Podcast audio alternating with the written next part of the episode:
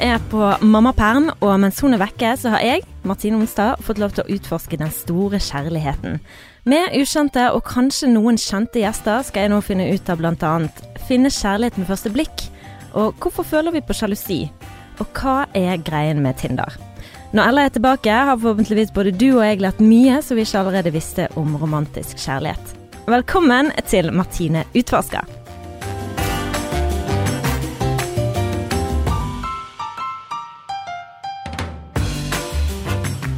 De siste ukene har jeg, Martine Onstad, undersøkt den store kjærligheten. Vi har blitt kjent med flere mennesker, stort sett eh, damer, eh, om hva de mener om dating, kjærlighetssorg og det å møte den rette. Men hva med å leve lykkelig alle våre dager? Hvordan gjør man det?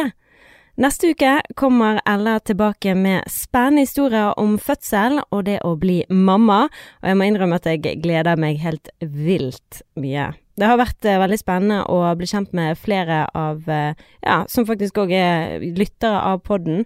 Men eh, nå er jeg mer enn klar for å få gjensyn med Ella Bella. Og i dag så skal vi snakke om eh, the forever kind of love. Det er jo enkelt å forelske seg, men å klare å stå i oppussing, barn, egoet vårt og hverdagslige utfordringer, utfordringer, det er jo ikke bare bare. Og det er det jeg vil utforske i denne siste episoden av Martine utforsker. Denne gangen helt uten gjester. Så når jeg skulle da søke rundt på dette store internettet etter, etter svar, da, så googlet jeg 'Why do couples break up?' og trykket på den første artikkel hvor tittelen lydet eh, som følger 'The real reason why couples break up'. Og da tenkte jeg bare uh, juicy. Og det handler jo da om å ikke føle at man blir hørt, og det er jo ingen bombe. Vi har én regel i huset vårt da, som vi selvfølgelig alltid glemmer midt i en krangel, uh, og det er at intensjonen er alltid god. Vi er kanskje ikke alltid enig med det som blir sagt, men det er utrolig viktig å lytte og vise respekt overfor partneren. Så her har vi mye å lære, folkens! Og jeg må faktisk lese høyt en setning fra denne nettsiden. Den heter theschooloflife.com, hvis dere har lyst til å søke dette her opp. Og den største grunnen, det som det sto i denne her, eh, på denne her nettsiden, da. Den største grunnen for alle skilsmisser er til slutt forsvaret du tar opp når kjæresten uttrykker eh, frustrasjon.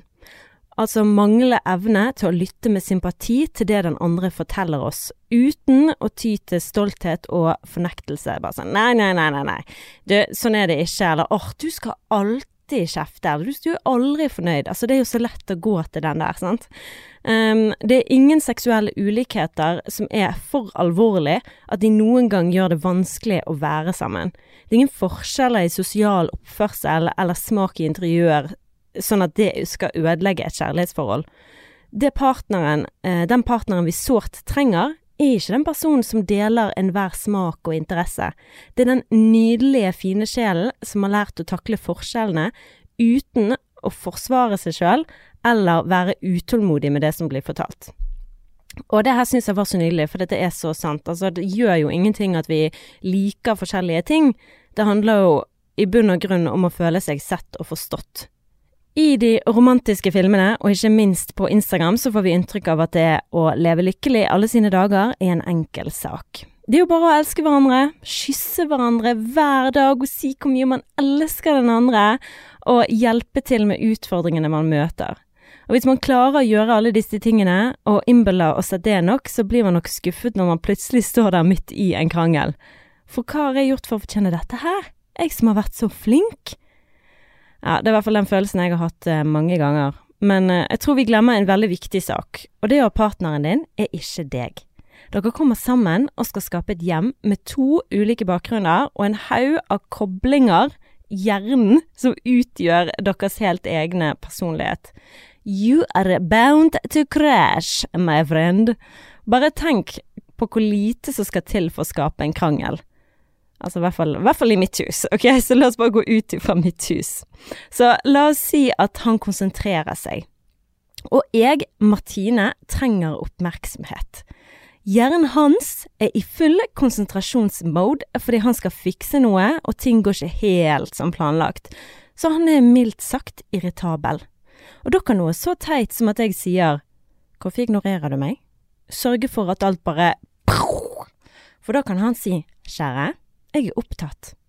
Og så føler jeg da en slags vibe fra han, en ikke så veldig positiv vibe, og sier 'Du trenger ikke være så sur'. Og da, mine damer og herrer, da er vi i gang, vet du. Så hvis vi bare var flinkere på å lese den andre sin vibe, og ikke ta ting så jævla personlig, så kan vi unngå å krangle om bagateller. For hvis, den, hvis denne her krangelen går lenger, går enda lenger enn dette her, så kan 'hvorfor ignorerer du meg?' bli til 'du elsker meg ikke lenger'. For ja, det har, det har skjedd. Hos meg, i hvert fall.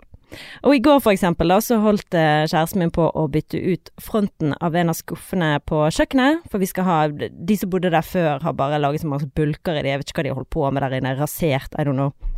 Men i går eh, Men da satt eh, jeg nede på rommet mitt mens han var oppe og fikset eh, på dette her. Og så leste jeg ferdig boken min. Commercial break. 'Drømmemann fra helvete', utgivelse mai-juni 2021. Ja, litt sånn egen reklame der, altså. Men uansett så går jeg opp i andre etasje for å si hei til kjæresten min, men han var ikke i modus for å kosesnakke. Så han sier noe sånn som 'nei, ikke nå'.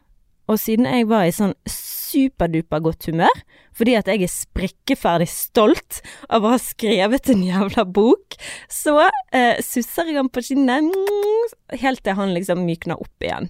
Men hvis jeg hadde vært i et helt normalt humør, så kunne jeg ha blitt fornærmet av den eh, forbaskede sure holdningen hans. Jeg vet ikke om, Ser du forskjell på dette her? For det er så lett å oppføre seg som fuckings Tom og Jerry når man lever i denne lille boblen sin. For jeg har helt syke forventninger til kjæresten min, og er veldig fullstendig klar over det. Altså i hvert fall sammenlignet med sånn lillesøsteren mine, for eksempel. Og det er jo selvfølgelig litt annerledes, fordi at Ingrid og jeg, vi har brukt et helt liv på å bli kjent med hverandres vibe. Og jeg vet at når hun er sur og svarer meg surt, så er ikke det et personlig angrep mot meg. Så jeg blir ikke fornærmet. Så vi har jo en helt vill tillit til hverandre. Og den tilliten må forholdet mitt få òg. For det, på gode dager så har vi jo det. Men på helt vanlige tirsdager så kan det fort gå ganske skeis. Så det vil i hvert fall være et av mine råd, da. Ikke ta alt så sykt personlig. Uh, men uh, Å, oh, ja, jeg har en idé. Jeg har en idé. For det, hva om hver gang vi blir sure på kjærestene våre, så kan vi sette oss ned og skrive om alt det vonde som de har opplevd i livet. For jeg vet i hvert fall at kjæresten min har hatt sin share of shit.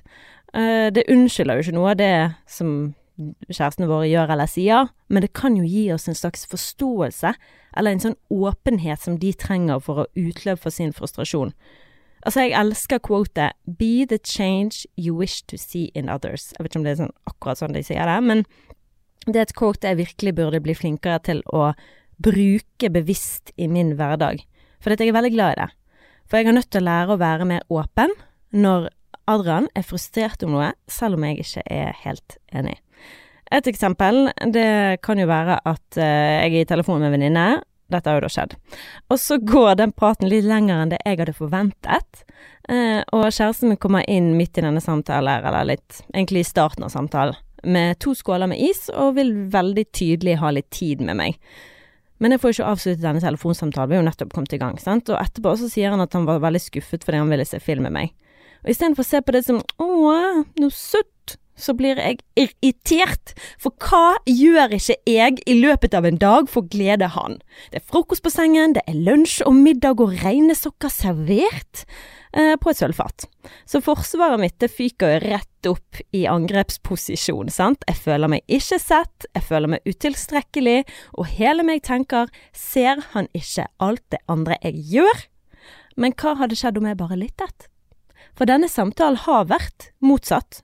Altså hvor jeg har ytret frustrasjon fordi at på, det er mangel på komplimenter, og så begynner Adrian å ramse opp alt som han har gjort som var fint. Så det, mine damer og herrer, er jo fordi at egoet vårt styrer mye. I hvert fall hos meg. Og hvis vi da skal leve lykkelig alle våre dager sammen, så må vi bli flinkere til å sette egoet til side. Og gi mer rom for forståelse og åpenhet, og sørge for at rommet, dem, rommet mellom oss er en trygg arena å være sårbar. For selv om du oppfatter det kjæresten sier som kritikk, så kan jeg garantere deg at han føler seg sårbar som tør å kritisere deg. Og det er jo veldig vanskelig å se det sånn fra motsatt side, men jeg, når jeg tenker på de gangene jeg har ønsket mer kjærlighet fra han, så har det føltes ekstremt sårbart å pøse det ut og liksom si at jeg har lyst på noe, fordi du føler deg needy. Og da hjelper det jo lite at han går rett i forsvar, for da bekrefter han nærmest frykten min. For hvis han eh, derimot lytter og stryker på meg og trøster meg, så føler jeg at åh, her er det trygt og godt. For hva er sårbarhet? Det er jo å tørre å snakke om det som er vanskelig, det du innerst inne skammer deg for. Og du tenker kanskje at kjæresten vil avvise deg hvis du er sårbar, eller at de ikke vil se på deg på samme måte. Men hvis ikke du viser deg sjøl fra de mest sårbare, kjenner partneren din deg da? Sånn, sånn egentlig? Eh, fordi at når jeg tenker på min egen sårbarhet, sant? når jeg sier til han at åh, jeg trenger mer kjærlighet, så vet jeg at det er fordi at det, det stikker å si det høyt. At jeg ser ikke på det som kritikk mot han, jeg vet at han er fullstendig i stand til å vise kjærlighet, men kanskje jeg har et større behov fordi at jeg ikke har fått det som liten. Så for meg så blir det veldig sårt å si det, men for han så er det en slags å ja, jeg er ikke god nok, eller jeg gjør ikke nok for hun. Sånn, så det er utrolig viktig at man setter sitt eget ego til side, men det er skikkelig, skikkelig vanskelig. Eh, men ifølge en nettside som heter Your Tango, så fører sårbarhet til et lengre parforhold. Og her er fem grunner til det. Én, sårbarhet øker jo vår følelse av verdi og ekthet. Sant? Når, du, når du tør å si noe, akkurat sånn som jeg nettopp sa, så er det jo fordi at man føler innerst inne at man ikke er god nok. Og når, blir, når den sårbarheten blir mottatt med kjærlighet, så er det sånn Å, her var det trygt, sant. Kanskje jeg er verdifull. Kanskje jeg er god nok. Og sårbarhet det hjelper oss til å føle oss nær og connected til partneren vår, men likevel så oppnår vi vår egen identitetsfølelse samtidig. Og nummer tre, det å være sårbar hjelper oss med å be om hva vi vil, og unngå å slå av eller distansere oss fra partneren. Sant? Det er jo istedenfor å liksom late som at man ikke har behov, så sier man ifra. Og nummer fire, det bygger jo da tillit og lidenskap mellom hverandre, sant, en slags trygghet. Og nummer fem, å være sårbar og la oss åpne hjertet vårt og gi og motta kjærlighet fullt ut. Så det er jo så viktig å være der for hverandre. For hva er vitsen med å være i et forhold hvis ikke man skal backe hverandre opp? Når den ene føler seg lavt, altså på et lavt nivå, så skal den andre løfte, og vice versa.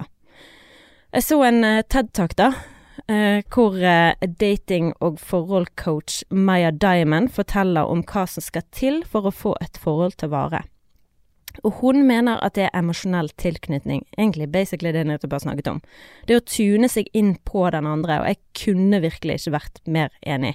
For det er ingenting som er mer frustrerende enn når du føler deg sliten og du trenger støtte, men møter en vegg eller når du føler, føler deg full av energi og har noe å dele, men så møter du en som er litt sånn uh, uinteressert uh, å høre på.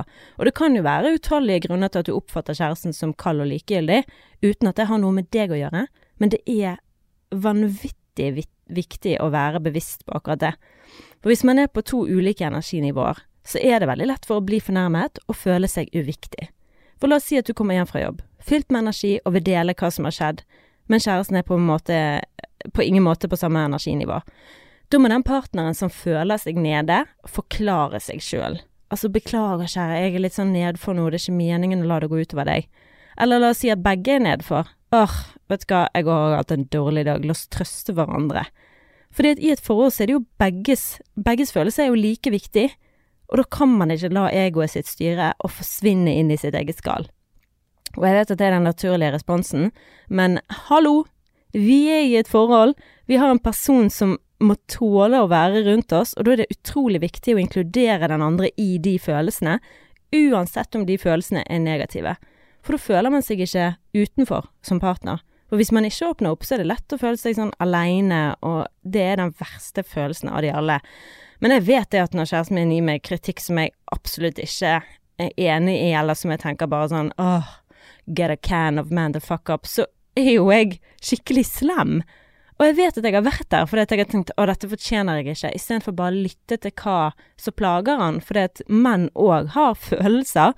Og det er jo noe som jeg skal helt ærlig innrømme, kjæresten min sier til meg ofte sånn Det er jo som om følelsene mine i dette forholdet ikke er så viktig, sant. Men så er jo Så tenker jo ikke jeg at ja, men bare fordi at jeg snakker med venninnen min lenger, så skal du bli såret av det. Sånn. Så det, jeg må jo ta følelsen hans på alvor, selv om jeg ikke er enig.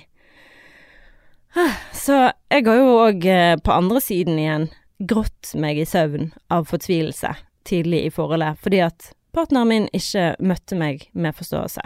Og det er en grusom følelse, og det var første gang jeg følte meg skikkelig ensom noensinne, for ikke engang når jeg var singel, kjente jeg på ensomhet. Og da kan man forstå at det frister å stikke, komme seg til helsiken vekk, bare være singel igjen, fri for bekymringer og tunge følelser. Men det er jo sånn at et forhold blir jo ikke bra uten arbeid. En person kommer ikke ferdig fikset, så vi må jo jobbe sammen. For det at uansett om den personen har selvinnsikt eller har jobbet med seg sjøl, så sånn som for min del, kjæresten min har ikke vært i et langt forhold. Jeg er det lengste forholdet han har vært i. Uh, og, og, da må man lære det sammen. Sant? Man må lære Oi, det er jo å ta hensyn til en annens persons følelser. Men når man er vant til å være selvstendig 90% av livet man har levd, så har man vært på egen hånd. Og det er jo noe som man er nødt til å ta Altså ha forståelse for det, at man rett og slett ikke har hatt like erfaringer. Og det, det kan jo til tider bli utrolig smertefullt det er så vondt at du tenker liksom at dette her er ikke normalt. Men jo, ut ifra samtaler med både familie og venner, så er det normalt å ha sånne vanskelige stunder der man føler seg ensom. Altså, kjæresten meg og jeg, vi har jo det ikke sånn lenger, han har jo blitt mye flinkere enn meg til å lytte, uten å bli fornærmet. Og jeg har blitt flinkere til å tenke liksom eh, han er bare litt stresset frem, istedenfor å tenke å, han elsker meg ikke.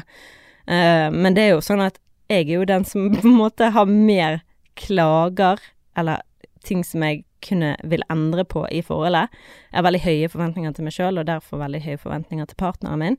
Eh, men kjæresten min klager ikke så veldig mye, så jeg har liksom veldig sjelden måttet høre på hans følelser. Så han har fått øve seg veldig mye ved å høre liksom sånn 'Elsker du meg?' Og så må han takle det, og han har taklet det liksom minst 50 000 ganger. Mens jeg, jeg har kanskje måttet høre på hø hans følelser kanskje ti ganger, jeg vet ikke, veldig sjeldent.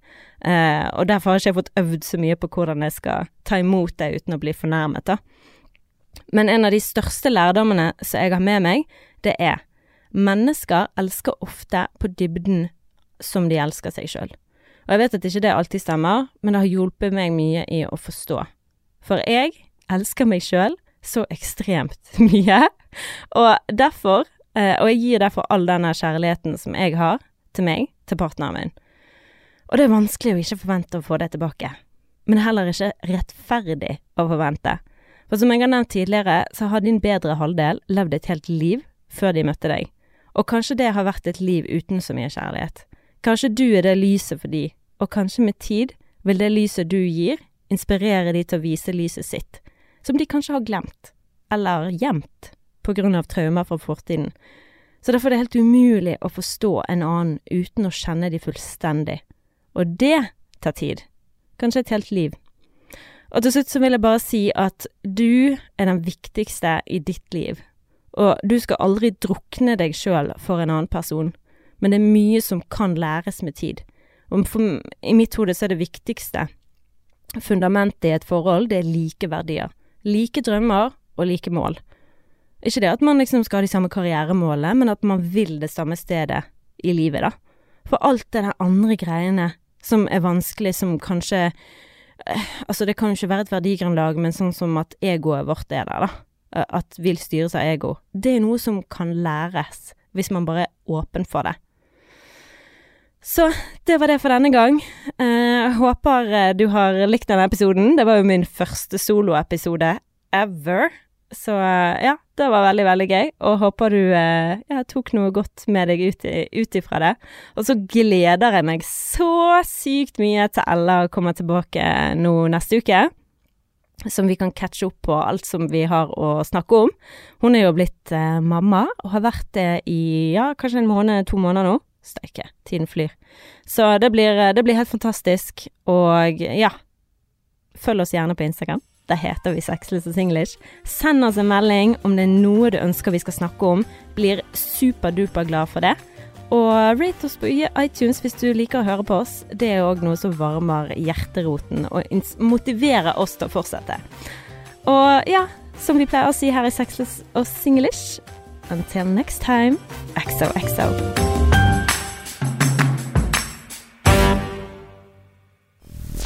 Mainstream. Mainstream. Mainstream. Mainstream. Mainstream.